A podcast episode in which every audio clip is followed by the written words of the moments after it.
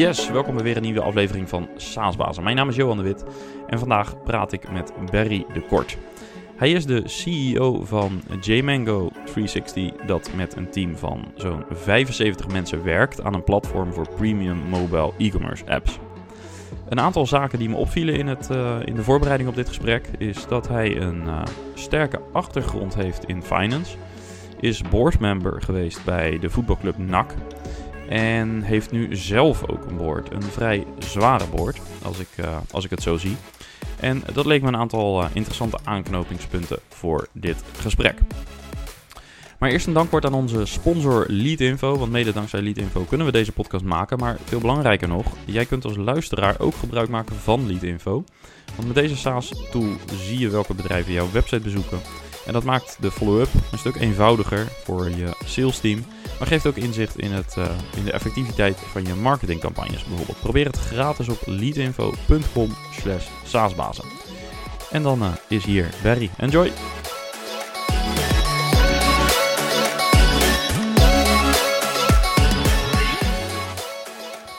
Ja, Barry, welkom. Dankjewel. Leuk dat je er, uh, dat je er bent. Um, in, in, in de voorbereiding op dit gesprek uh, kwam ik een aantal dingen tegen waar ik het uh, met je over wil hebben natuurlijk. En een van de dingen die mij opviel is, je hebt een uh, vrij sterke achtergrond in, uh, in finance, in uh, accountancy onder andere.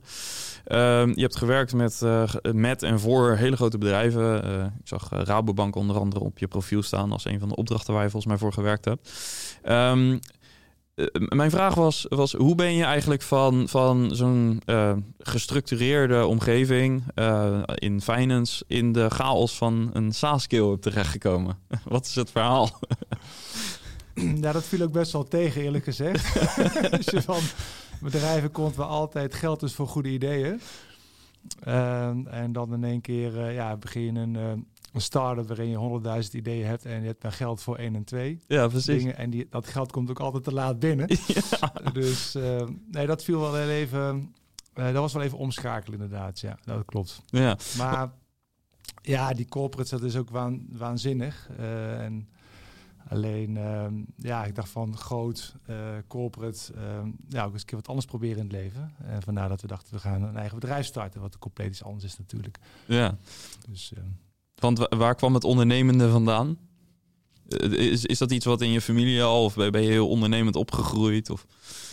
Nou, dat, dat valt wel mee, maar wel steeds nieuwe dingen proberen. En uh, op een gegeven moment uh, in die corporates, als je ja, zeg maar, uh, wel de ambitie hebt om op uh, C-level te willen acteren, dan wordt het allemaal heel politiek. En daar, daar hou ik totaal niet van. Dus dan loop je daar tegenaan. En uh, het is ook een beetje uit je comfortzone komen op een gegeven moment.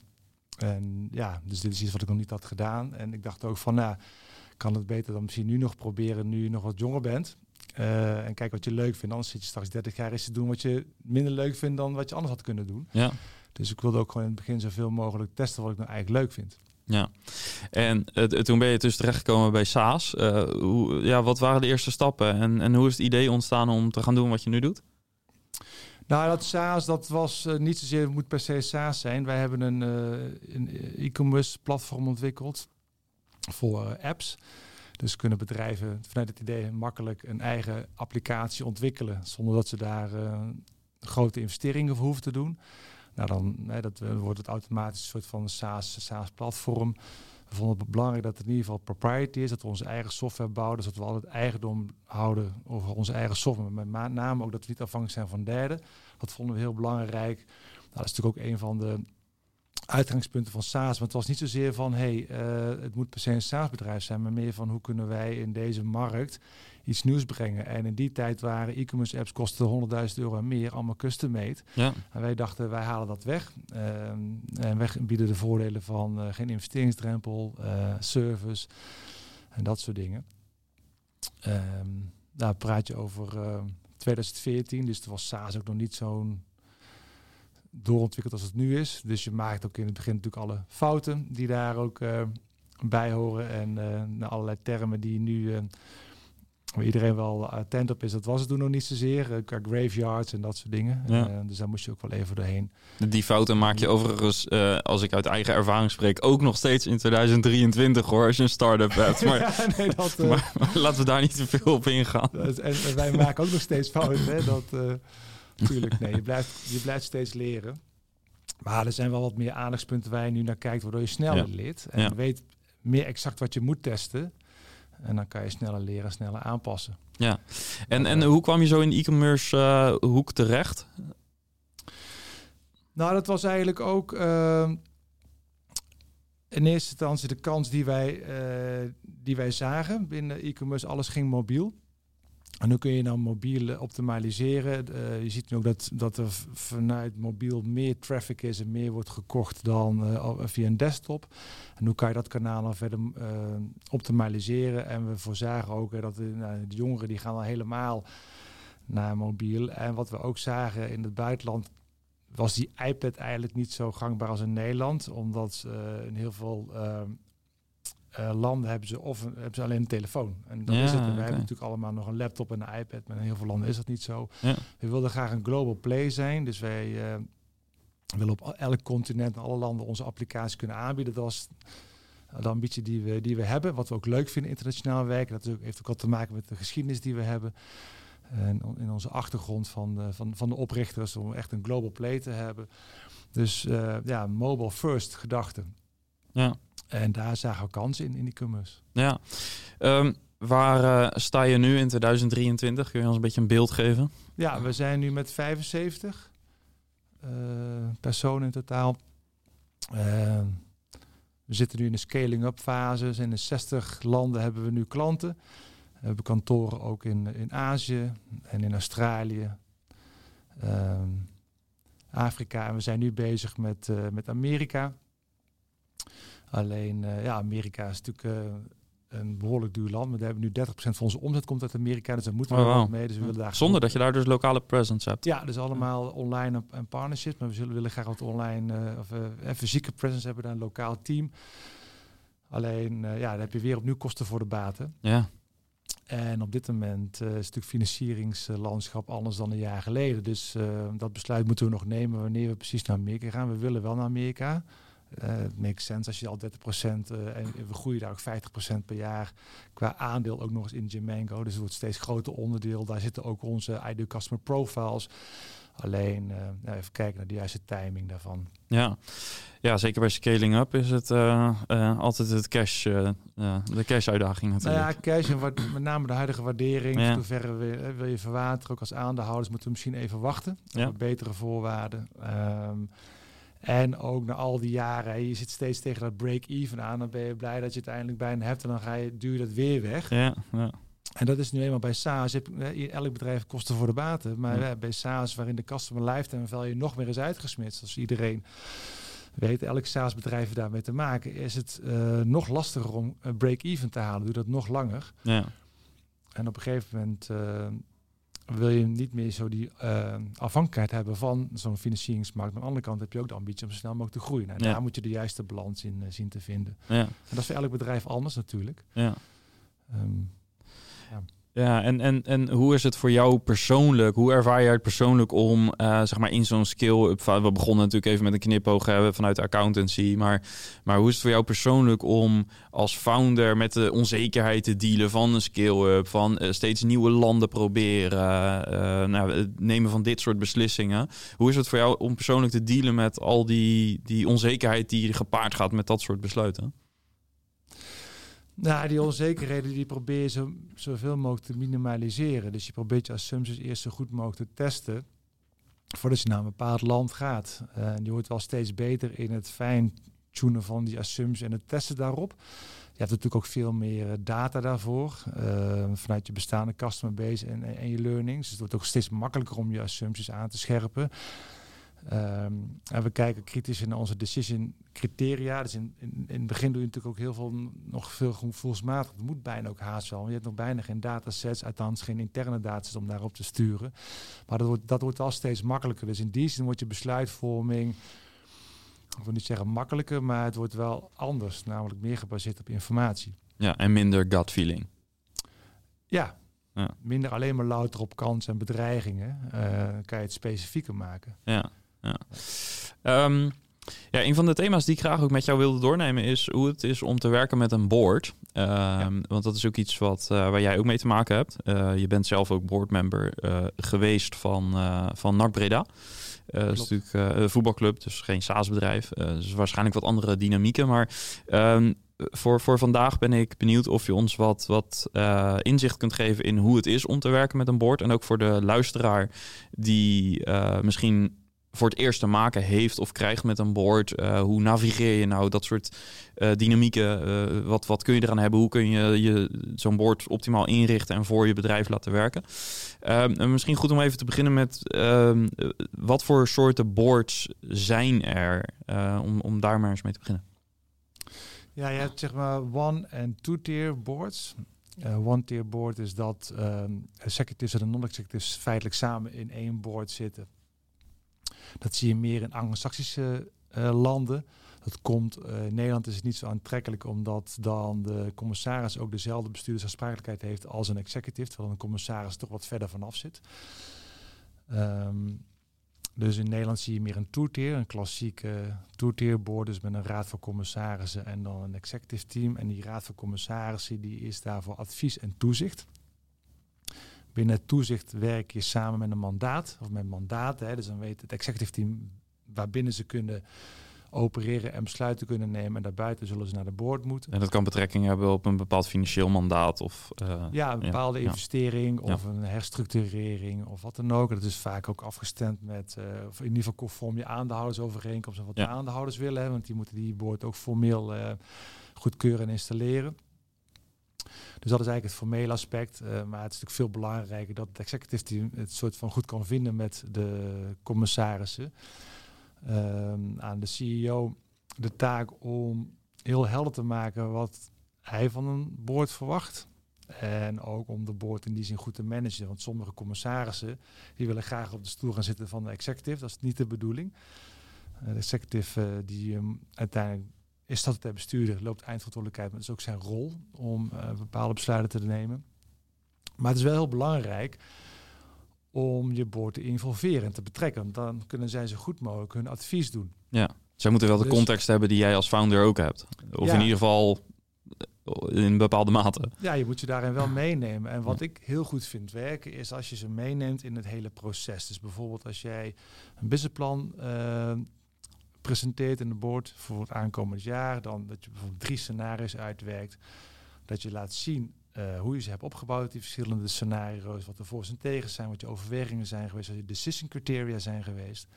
En op basis daarvan kom jij met het voorstel, natuurlijk, hè, jij als, als voorzitter van het eh, executive team, van het managementteam, van we gaan voor scenario X. Nou, een goede board die gaat jou daar op challengen op het proces. Heb je daar gedacht? Hè? Heb je aan alle kansen, aan alle bedreigingen gedacht? Wij zien dit bij andere bedrijven.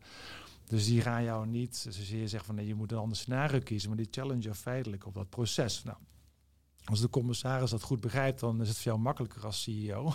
Ja. Als je dat niet goed begrijpt, dan zul je hem daar ook eh, ehm, op moeten attenderen dat dit zijn rol is ehm, en dat jij een andere rol hebt. En Ja. dan helpt het wel dat je inderdaad een aantal boordjes hebt gehad waarin je aan de andere kant van de tafel hebt gezeten als non-executive. Eh, want dan, ehm, ja, dan kan je eigenlijk in beide, eh, beide, beide kanten kan je daar je voordeel mee doen, omdat je weet hoe het is om aan de andere kant van de tafel te zitten. Ehm, en wat je ook wel ziet vaak is dat, ja, dat een CEO misschien zich ook in eerste instantie te veel laat leiden. Hè. Die is misschien onder de indruk van een zeer ervaren boord en die gaat dan feitelijk hun volgen of maar doen omdat zij dat zeggen. Ja. Dan ben je vaak nog iets te onervaren of zo. Je moet er ook een beetje in, in, in groeien. Ehm dat je zegt van nee, we hebben dit echt goed uitgewerkt naar onze mening. En je mag ons challenge op het proces. Ja. Maar dit is wat wij voorstellen. Ja. Die staan we achter. En dan moet je als non-executive van goede huizen komen. Wil je daar dan eh, iets anders van vinden? Ja. Eh, Wat is je advies aan founders ehm, eh, om, om te werken aan die volwassenheid, om zo'n board goed te kunnen managen? Allereerst goed nadenken, wat wil ik nou precies met deze board? Wil ik het, ehm, echt alleen voor advies. Heb ik het nodig omdat ik in een bepaalde fase kom en dat ik eigenlijk een soort van ja, een soort noodzakelijk kwaad. Gebruik ik het voor uh, netwerk, kan dat ook heel, uh, heel goed voor zijn. Dus wat is precies je doel van de board? Wij hebben het gedaan voor uh, advies en voor netwerk. Dus dan kijken we daaruit van, kan ik het team complementair krijgen? Dus met verschillende soorten commissarissen. Dus één graag hè, met veel SaaS-ervaring, iemand uh, met veel managerial ervaring, die hè, van mij een betere manager kan maken bijvoorbeeld. Ja. En een commissaris die uh, enorm uitgebreid netwerk heeft. En, en, dat probeer je dan bij elkaar te krijgen in een, in een board. Ja, dus heel goed weten wat het doel uiteindelijk is van het board. Ja. Uh, dat ook duidelijk met hen communiceren, wat je van hen verwacht. Ja. Um, en ook zorgen dat uh, dus je motieven duidelijk zijn en uh, zodat zij ook een uh, zinvolle bijdrage kunnen leveren in plaats van alleen schieten op plannen, zeg maar. Ja, dat is ook ja. wat de non-executive uiteindelijk wil. Hè, voordat hij ja. besluit om boardmember daar te worden, wat hem ook tijd kost. Het is allemaal hè, om, vaak zijn de boards iets onbezoldigd. Ja. Ja, moet zij dat ook een goed gevoel bij hebben. Ja. Ja. Um, en nu heb jij zelf, als ik het zo mag zeggen, even plat gezegd, een vrij zware boord, denk ik. Uh, als je kijkt naar de profielen die, uh, die jij hebt. Um, hoe, hoe, uh, hoe ziet jouw samenwerking met het board eruit? dus wat, wat, wat is de dynamiek tussen jou en je boardmembers? Ja, ik, ik heb inderdaad toen bewust gekozen voor in die zin een vrij zware boord. Althans de fase waarin wij zitten. Um, dus een van onze boardmembers is uh, uh, oprichter van, uh, van Unit 4. Hè. Dus heeft dat bedrijf van, echt van letterlijk van nul naar een half miljard omzet en 5000 mee. Een van de grootste IT-bedrijven in Nederland. We hebben een boardmember die is president geweest van Procter Gamble. Die heeft meer dan 30.000 man aangestuurd. Nou, die kan van mij een betere manager maken ja, een boardmember, dat zijn serial entrepreneurs. En die hebben een enorm netwerk. Dus wij, ja, vanuit de gedachte dat hoe zwaarder die boord is, hoe beter zij ons van advies kunnen bedienen en hoe beter het netwerk is. Um, dus dat was onze overweging om een, um, om een zware boord te hebben. En dan moet je ja, zelf dan overtuigingskracht hebben om ze ook aan boord te krijgen. Want zij moeten het ook interessant vinden ja. natuurlijk. Dat is ja. ook niet zomaar gedaan. Ja, want, want hoe doe je dat als founder? Uh, hoe zorg je ervoor dat het inderdaad uh, dat er een uh, wederzijdse win is? Een wederzijdse, sorry? een wederzijdse win. Dus wat heb jij gedaan om hen te van, ervan te overtuigen dat het een goed idee is om jouw boardmember te zijn? Nou, allereerst moeten zij het zien zitten in jouw bedrijf, in jouw plan. Wat wil jij met het bedrijf? Wat voor bedrijf heb je? En vast dat in hun uh, ambitie of in hun sweet spot van expertise wat zij willen. En ten tweede is het uh, de persoon zelf. Hè. Ze zeggen altijd uh, populistisch de vent en de tent. Nou, dat, de vent slaat natuurlijk nergens meer op. Maar het ruimt, als je zegt persoon en de tent, het ruimt niet. Maar is ja, de man of vrouw in kwestie, klikt dat onderling. En dat laatste extreem belangrijk is dat zij het gevoel hebben dat het in vruchtbaar grond landt. Dus alles ja. wat zij zeggen en doen, um, hoeft niet klakloos opgevolgd te worden. Dat zoeken ze natuurlijk ook niet in een CEO. Maar wel dat het in vruchtbaar grond landt. Dat ja. de CEO er wel da daadwerkelijk wat mee doet. Dat hij ook dankbaar is voor deze adviezen. En dat hij ook duidelijk aangeeft wat hij ermee doet. Ja. Of niet. Ja. En dat het allerbelangrijkste is. En verder gaat het eigenlijk allemaal via warme introducties. Dus hè, ken jij nog iemand? Het, altijd, mijn ervaring is dat je kunt beter al je tijd spenderen in 10 warme introducties dan 100 koud uitsturen. Dat werkt ook met investeringen zo. Um, althans, als je angel invest, investors zoekt, om altijd via warme introducties van ken jij nog iemand en kan je me daar dan introduceren voor een koffie en zo. En dat, Precies, dat, ja. dat werkt het beste. Um, ja, dan is het inderdaad een kwestie van veel koffie drinken en kijken of het, of het klikt en of het toegevoegde waarde is van beide kanten. Ja, en dus ook het lef hebben of de guts hebben om inderdaad te stappen naar mensen die in jouw ogen misschien wel te ver en te zwaar profiel hebben voor de fase waarin je dan zit. Dus niet, want je bent blijkbaar niet bang geweest om uh, hoog te mikken, zeg maar, even plat gezegd. Nou ja, omdat wij heel ambitieus waren. Wij wilden ja. graag een wereldwijd bedrijf opbouwen. Ja. En dan, daarin hebben we agressief geïnvesteerd. En ja, ik wilde voorsorteren op een uh, seasoned uh, board. Ja. Die ons in al die fases kan helpen. Die de start-up fase snapt. Juist. Die zeg maar die tussenfase van uh, scalability en repeatability testing en profitability testing goed snel, maar ook de hele scaling up als je echt gas gaat geven. Ja. Dat al die drie de fases, dat je natuurlijk kun je als keer van een board member wisselen. Nu wil ik graag bijvoorbeeld een Amerikaanse Amerikaan in onze board hebben, omdat ik graag binnen nu en nou, het liefst volgend jaar, maar even kijken hoe de markt ervoor staat, uh, naar Amerika wil. Nou, dan is het handig dat we al een Amerikaanse boardmember aan boord hebben. Die neem ik mee in het hele plan. Ja waar, hè, waar we staan, waarom we naar Amerika willen, wat de voordelen zijn om naar Amerika te gaan. En dan kan die Amerikaan denken, hey, dat vind ik interessant. Dan kan ik een bedrijf, dan ben ik echt van toegevoegde waarde. Ik ben ja. Uh, als Amerikaan kan ik echt dit bedrijf helpen om in Amerika gewoon succesvol te worden. En die Ja. voelt een, een toegevoegde waarde dan. Dus voordat ik naar Amerika ga, wil ik eigenlijk al een Amerikaanse boardmember hebben. Het is een beetje, ja, in die zin regeren is vooruitzien. Ja. Ehm, eh, hoe is jouw relatie met je board door de jaren heen veranderd? Eh, wat, wat, eh, wat voor dynamieken had je in het begin en, en hoe ziet dat er nu uit? Ja, in het begin, kijk, zelf groeien als CEO natuurlijk ook. En in het begin liet ik denk ik nog iets te veel mijn oren hangen naar de aandeelhouders en naar de board. En omdat ik graag iedereen betrokken wil houden. Dus het was even zoeken naar de juiste manier van iedereen involveren. En ik denk dat ik in die zin gegroeid ben om meer uh, op het proces te gaan zitten, wat ik net zei, van ze echt te betrekken bij het hele proces en hoe we tot bepaalde besluiten zijn gekomen en natuurlijk voorstellen die we moeten voorleggen aan hun. En dat je daarin een juiste combinatie kan vinden in, in hun advies en toezicht, maar wel dat jullie uiteindelijk hè, dat als, als executive het, het besluit nemen. En dat je daar helderder in bent in je communicatie. Hm. Ja. Maar dat heeft ook te maken met dat je simpelweg ook steeds meer en je eigen bedrijf steeds beter begint te begrijpen. De markt en de fase waarin je in zit. Dus je bent ook zelf steeds beter onderlegd om, om dat op die manier te kunnen communiceren. Je bouwt vertrouwen op ook. Je bouwt vertrouwen op, maar je, je weet zelf ook simpelweg meer. En Ja. kan je het ook beter overbrengen. In het begin ben je natuurlijk enorm aan het zoeken. Ja. Eh, in alles. Je hele product market fit is één grote zoektocht in het begin. Dus ja, dan ben je natuurlijk wat minder eh, stellig nog in eh, hoe je het wil gaan doen. Ja. Omdat je constant aan het testen bent. Dus dan is het ook lastig om die stelligheid te hebben richting je boord. En ik Ja. weet ook niet of dat in die fase ook al per se zo moet. Want ehm, ja, de boord is er ook echt vanuit het advies om je te helpen in die fase ook. Dus Het is ook goed om ontvankelijk te zijn juist voor de inzichten.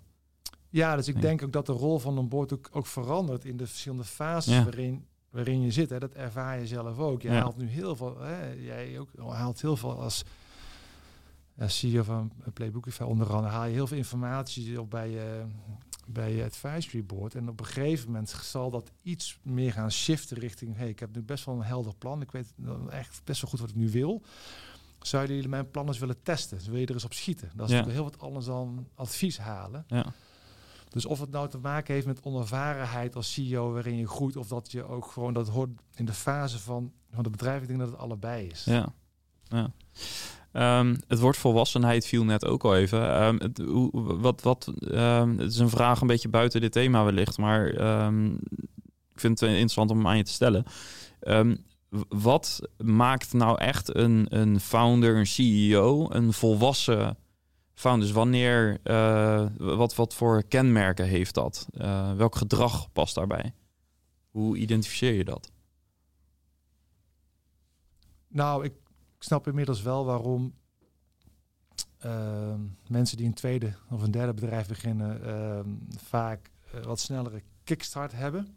Niet alleen omdat ze dan meer eigen middelen hebben om die kickstart te kunnen bewerkstelligen, maar ja, ervaring is wel ontzettend belangrijk. Dat helpt wel echt enorm. We merken dat hè, we hebben naast dat onze e-commerce apps platform hebben we een tweede eh, platform ontwikkeld. Wij zagen kansen in eh, B2B order processen te digitaliseren. En dat tweede platform, dat hebben we veel sneller, veel beter gebouwd eh, op basis van al onze learnings van het eerste mm, platform. En dus in die zin, als je die ervaring nog niet hebt, hè, als je echt voor het eerste keer een, een bedrijf start, dan kan zo'n, om even weer terug te komen op zo'n boord, dan zou ik boardmembers zoeken die dus al twee, drie, vier keer een bedrijf hebben opgestart en exact weten welke learnings zij hebben en dat die in ieder geval niet nog een keer, althans dat sneller willen leren. Ja. Dus ik zou, ik zou je omgeven met een groep van die op dat gebied ervaring hebben. Dus zit je in de fase van de product market fit, kan ik een advisory board of wie dan ook, of niet altijd in een board te zitten, maar kan ik een soort van vriendengroep achter eh, creëren die me daar heel erg op kunnen helpen. Ja. Uh, want uiteindelijk, ja, is toch wel ervaring die de die, die, die, die, die, die doorslaggevend kan zijn. Nou, het tweede is het, dat is meer algemeen, ik denk voor elke ondernemer, is dat je enorme doorzettingsvermogen moet hebben. Hè? Want iedereen wordt allemaal gehyped, start-ups. Nou, het is ontzettend moeilijk. Het is een hele lastige fase. Iedereen uh, ervaart het vaak wel stressvol van één keer, maar nooit meer uh, bijna. Ja.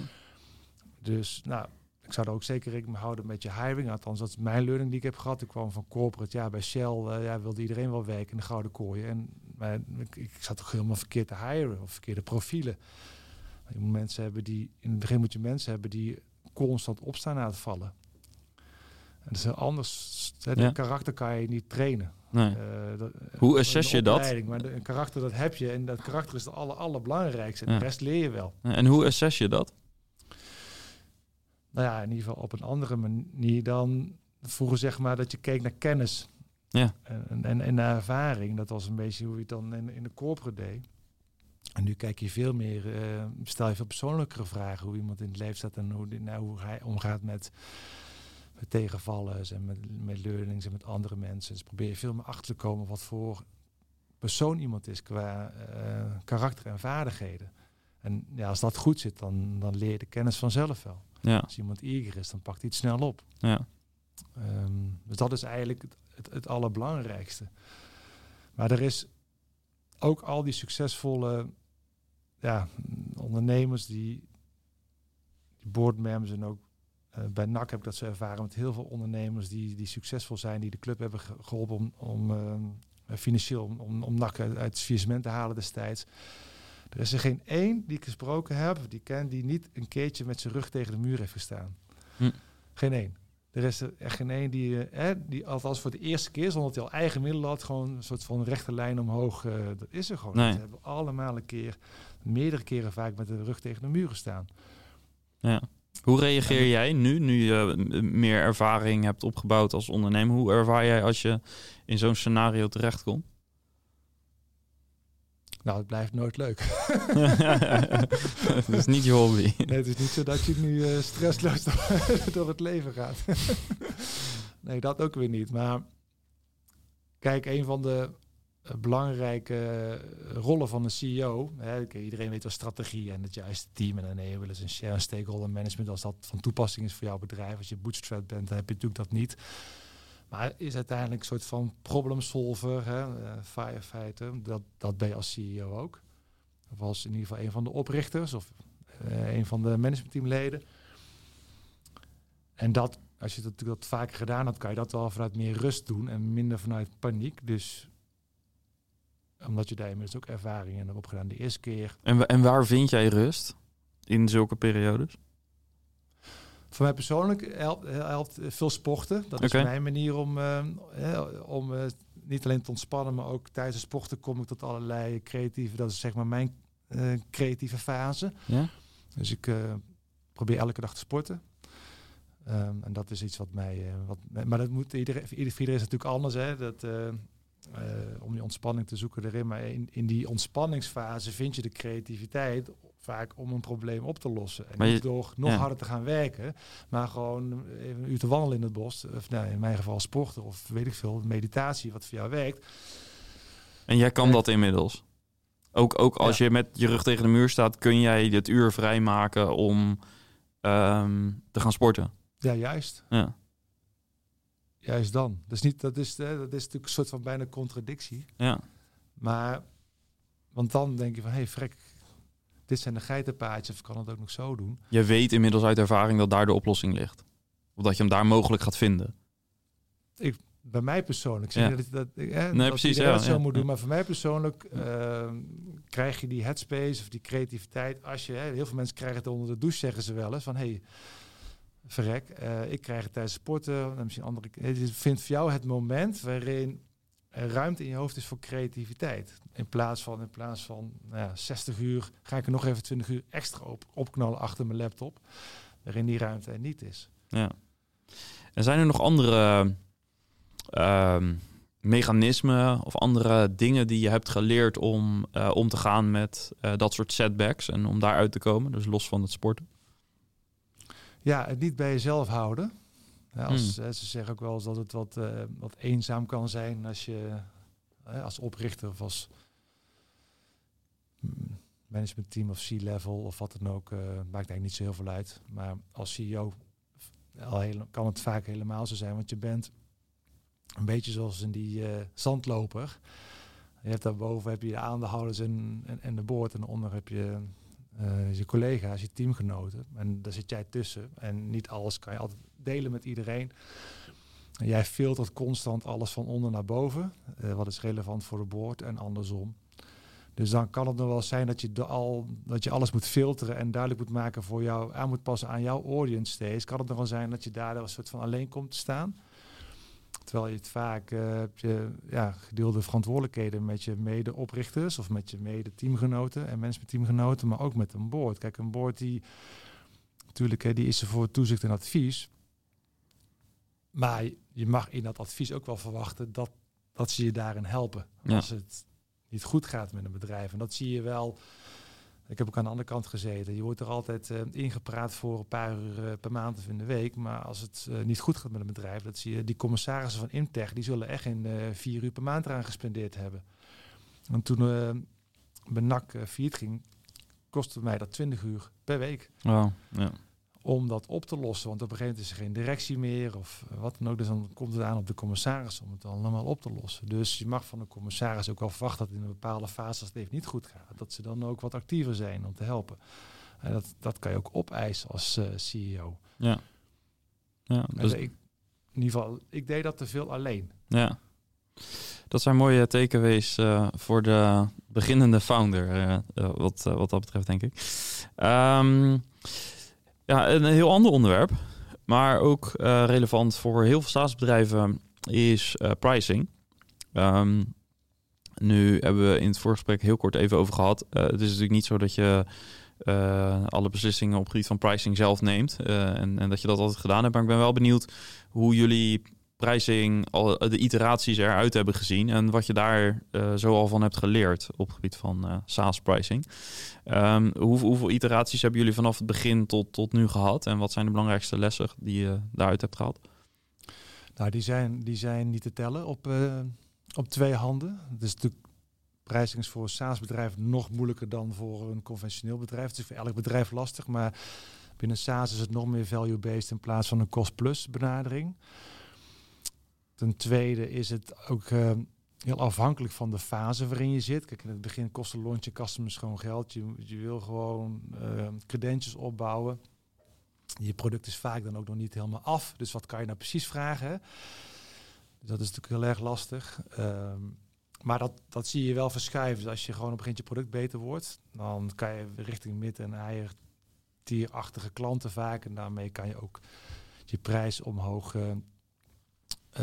omhoog krijgen. Je krijgt meer features, bijvoorbeeld. Um, dus dan zie je wel dat hè, bij iedereen gaat eigenlijk uiteindelijk dan wel die prijs omhoog, omdat je of grotere klanten krijgt, waardoor je gewoon meer kan vragen, dan wel dat je product ook gewoon beter wordt, waardoor je het kan vragen, of dat je een bepaalde positie in de markt krijgt. Ja. Waardoor je zoveel trust hebt gebouwd of credentials dat je het ook kan vragen. Verder is, nou goed, in binnen SaaS is, nou dit is natuurlijk een, een een klassieker. Uh, maar die upsells die zijn extreem belangrijk. Want uiteindelijk die net revenue retention, natuurlijk churn is belangrijk, maar die upsells die zijn heel erg belangrijk. Dus het is al vanaf het begin wel goed na te denken van in je product market hebben wij uh, in kunnen wij een prijzingmodel hanteren waarin we makkelijk kunnen upsellen. Hè? Dus op basis van users of usage of op basis van features. Wij doen het in basis van performance. Hè? Dus hoe meer omzet door de app, hoe hoger onze fair share wordt. En dan maakt het niet zoveel uit of je dan in het begin 100 euro vraagt of 1000 euro per maand. Dus exacte prijs. Het gaat er meer om het model. Heb ik een businessmodel waarin upsells mogelijk zijn? Want is dat niet mogelijk? Um, hoeft dat niet heel erg te zijn als jij bootstrap wil blijven. Um, maar als jij uh, investeerders aan boord wil halen. Die gaan toch kijken naar die NRR. En net revenue retention is niet positief. Dan wordt het heel lastig om geld op te halen. En um, ik heb echt veel, veel ervaring inmiddels in het ophalen van geld. En ook met andere ondernemers die geld ophalen. En er zijn echt ondernemers die hebben 3, 4 miljoen ERR. Uh, positieve cashflow, maar negatieve en, net revenue retention kunnen daardoor gewoon geen geld ophalen. Dus dat is wel heel belangrijk. Als je dat wel graag wil, dan moet je daar van het begin eraan op te. Als jij goed bootstrapped wil blijven, dan, hè, dan ben je natuurlijk veel flexibeler en dan uh, is het misschien minder relevant. Maar dat is wel echt essentieel. Ja. Om daarna te, ja, daarna te kijken. Ja. Ik wil ook even nog gebruik maken van jouw fundraising uh, ervaring. uh, dus ook al is het kort, daar kunnen we hele afleveringen over vullen. Maar ik denk dat de luisteraar na het horen van uh, zeg maar het, het woord, ik heb veel of de, de zin, ik heb aardig wat ervaring met fundraising. Dat er een aantal toch zijn die denken van daar wil ik dan wel een paar tips van. ik in ieder geval zelf wel. Um, kun je, laten we het houden op drie tips. Dus wat zijn de drie cruciale uh, tips die je kunt meegeven aan founders die geld willen ophalen. En misschien in het bijzonder in deze tijd waarin funding ophalen best wel een uitdaging is voor veel. Tip 1. Ja, stel jezelf echt een paar keer de vraag: wil ik wel echt een investeerder erbij? Moet het? Of wil ik het graag, hè, bijvoorbeeld? Omdat ja, Bootstrap heeft ook heel veel voordelen. En onderschat niet de verantwoordelijkheid die je voelt om een rendement te halen voor je investeerders. Dat komt bovenop alle andere verantwoordelijkheden die je al hebt. En, um, en issues die je hebt. Dus um, ja, als je een sterk verantwoordelijkheidsgevoel hebt, dan moet je dat zeker niet onderschatten. Iedereen die, eh, ik zeg het even, omdat iedereen elkaar ook een beetje soort van napraat qua uh, investeringen ophalen. En dat zie je ook uh, in al die communities. Het gaat altijd over fundraising. Hoeveel heb je opgehaald? En dat soort dingen. Hoeveel heb je opgehaald? En nou, dat is maar de vraag of je dat echt, echt moet en wil. Dat is eigenlijk de allerbelangrijkste tip. Twee is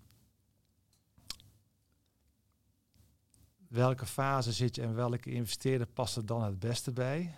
Uh, mijn ervaring is dat uh, in het begin als je nog super aan het ondernemen bent, dat dan een angel die zelf ook heeft geonderneemd, uh, of ondernemer is geweest, dat dat in die fase sneller schakelt. Sneller dan een visie bijvoorbeeld bedoel je?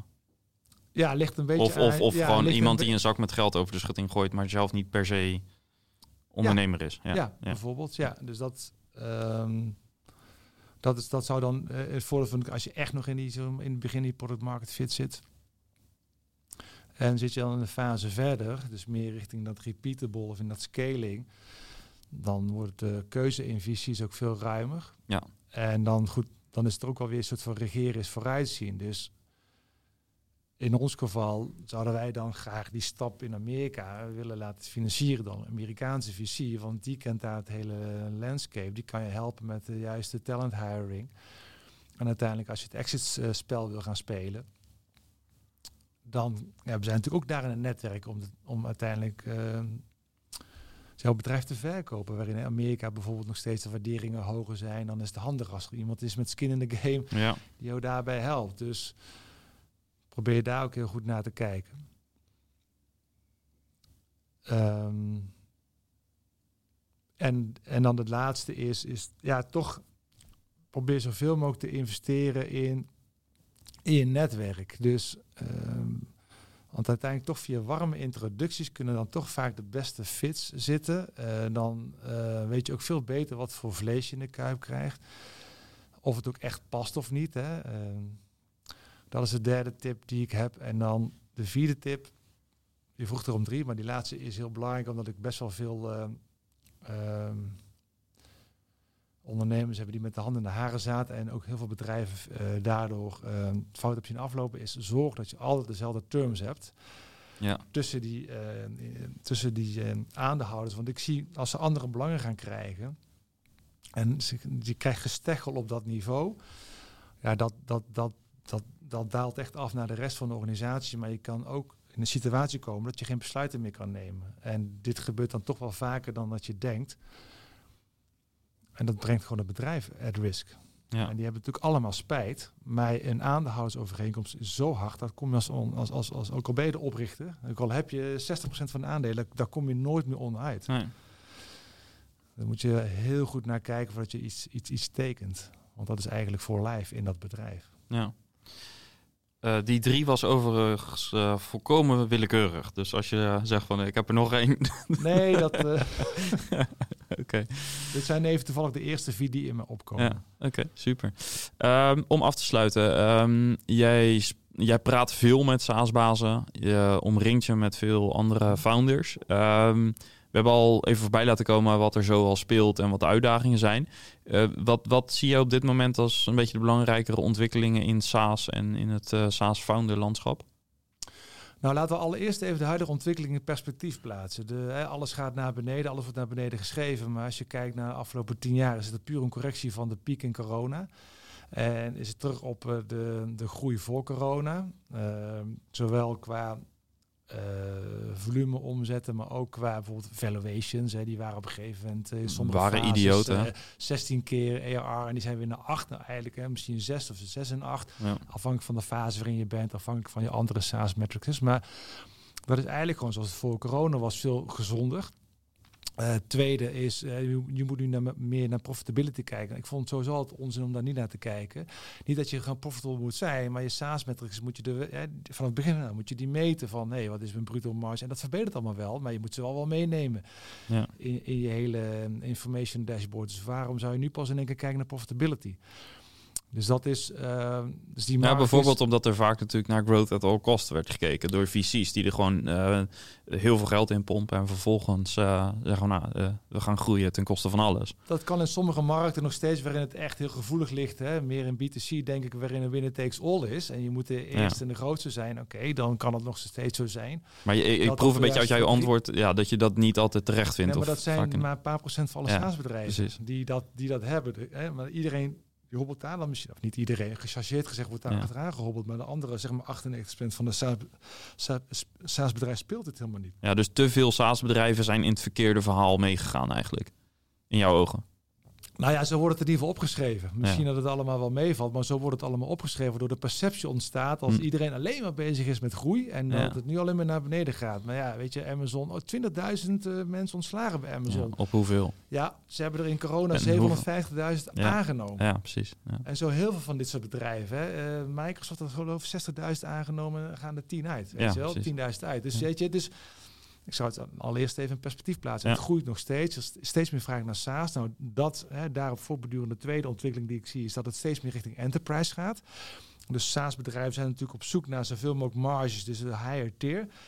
Uh, dat komt denk ik omdat uh, SaaS-bedrijven zijn verder nu. Dus een product is nu ook meer geschikt voor enterprise qua rijkheid. En ten tweede ook die enterprise-klanten zijn er nu steeds meer aan toe die zien ook de voordelen van SaaS. Dus in die zin uh, is er alleen maar uh, meer mogelijkheden voor SaaS-bedrijven om verder te groeien. Er komen nieuwe markten bij, uh, die ook richting, richting SaaS gaan. Dus die, die markt is nog steeds, is nog steeds heel erg goed. Best wel een positief verhaal dus. Ja, dat, dat, ja, dat natuurlijk is het even de komende zes maanden zit iedereen, is het even spannend. Zeker als, je, als je geld moet ophalen of in ieder geval met daarin, daarin het besluit zitten of je dat wel of niet wil gaan doen. Maar de, on, de onderliggende eh, metrics die zijn nog steeds helemaal niet slecht. En die biedt nog steeds heel veel kansen. En ja, die uitdagingen zijn er nu, maar die waren er vier jaar geleden ook. Hè, om een bedrijf te laten groeien in dat, in dat hele SaaS. Dus dat is wel één wat ik... Uh, ja, dat is eigenlijk wel een belangrijke die je ziet. En ook bij die, uh, in die SaaS-community, dat mensen steeds meer gaan opschrijven daarin. Nou, dat is positief ontwikkelen. Tweede is dat een beetje een buzzword is dat de hele mag-alliantie. Dus dat, uh, dat, dat het headless moet zijn. En een, uh, in een API first. Um, dus dat is een, uh, enorme hype. Alleen wat wij zien, en in de, ook in de community, is dat dit heel erg speelt bij zeg maar agencies hè, of implementatiepartners, maar eigenlijk nog helemaal niet speelt bij klanten. Klanten die vinden het nog maar eng. Ja. En die denken, oh, headless, of dat, dat klinkt dan weer als duur en complex. Dat is het niet. Dus ook daarin zou ik wel heel even, misschien als je bepaalde besluiten wil nemen op dat gebied van kijk ook even goed wat de klanten willen. Want heel vaak zijn wij als techies weer te snel voor de markt uit. Ja. Maar misschien moet je dat iets gradueler doen, eh, die ontwikkeling. Ja, derde ontwikkeling is, daar weet jij meer van dan ik. Dat is product-led growth. Dat ben jij, daar zit jij nu vol, vol in. Ja.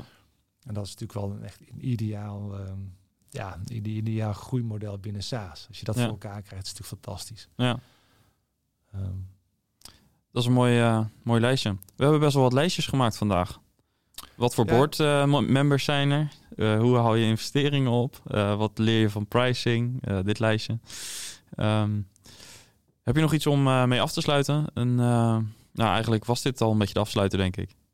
ja, je had meer, uiteindelijk meer lijstjes kunnen bespreken dan je van tevoren dacht. Ja, precies. Dacht, Nou, eh, ik zei al, er komen altijd zijpaadjes en die bleken er ook te zijn. Dus dat is, dat is leuk.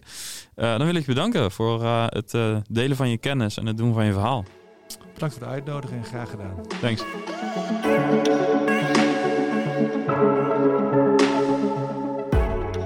Tot zover het gesprek van vandaag. Bedankt voor het luisteren weer. Ja, tot slot heb ik nog een oproep aan jou als luisteraar. Want vanuit SaaSbazen probeer ik samen met Alisa en Jan er alles aan te doen om SaaS-bedrijven uit Nederland en Vlaanderen te helpen. Bijvoorbeeld eh, door deze podcast te maken. En we zijn hierbij sterk afhankelijk van onze sponsors. Maar we willen ook onafhankelijk blijven en hebben daarom jouw support nodig. Met een lidmaatschap op SaaSbazen voor 300 euro per jaar doe je dat. Als je lid wordt, kunnen we ja, meer waarde teruggeven. En bovendien krijg je er, eh, ja, je krijgt er dus ook veel zelf voor terug. Want allereerst krijg je korting op onze events, voorrang bij events. Maar ook toegang tot de tweewekelijks online meetup. En we hebben een wildcard mogelijkheid toegevoegd aan de meetup. Eh, dat betekent dat je, eh, ja, zelf, niet, dat je niet alleen zelf toegang hebt tot deze online tweewekelijkse sessie. Maar je kunt ook een collega laten deelnemen. Dus gaat de sessie over sales, stuur een sales collega. Gaat de sessie over finance, je CFO is van harte welkom enzovoort. Dus ga naar saasbazen.nl om je lidmaatschap af te sluiten. Daarmee help je ons en jezelf. En eh, ja, kunnen wij meer voor jou betekenen. Dank voor je support en volgende week staat er weer een nieuwe aflevering voor je klaar. Ciao!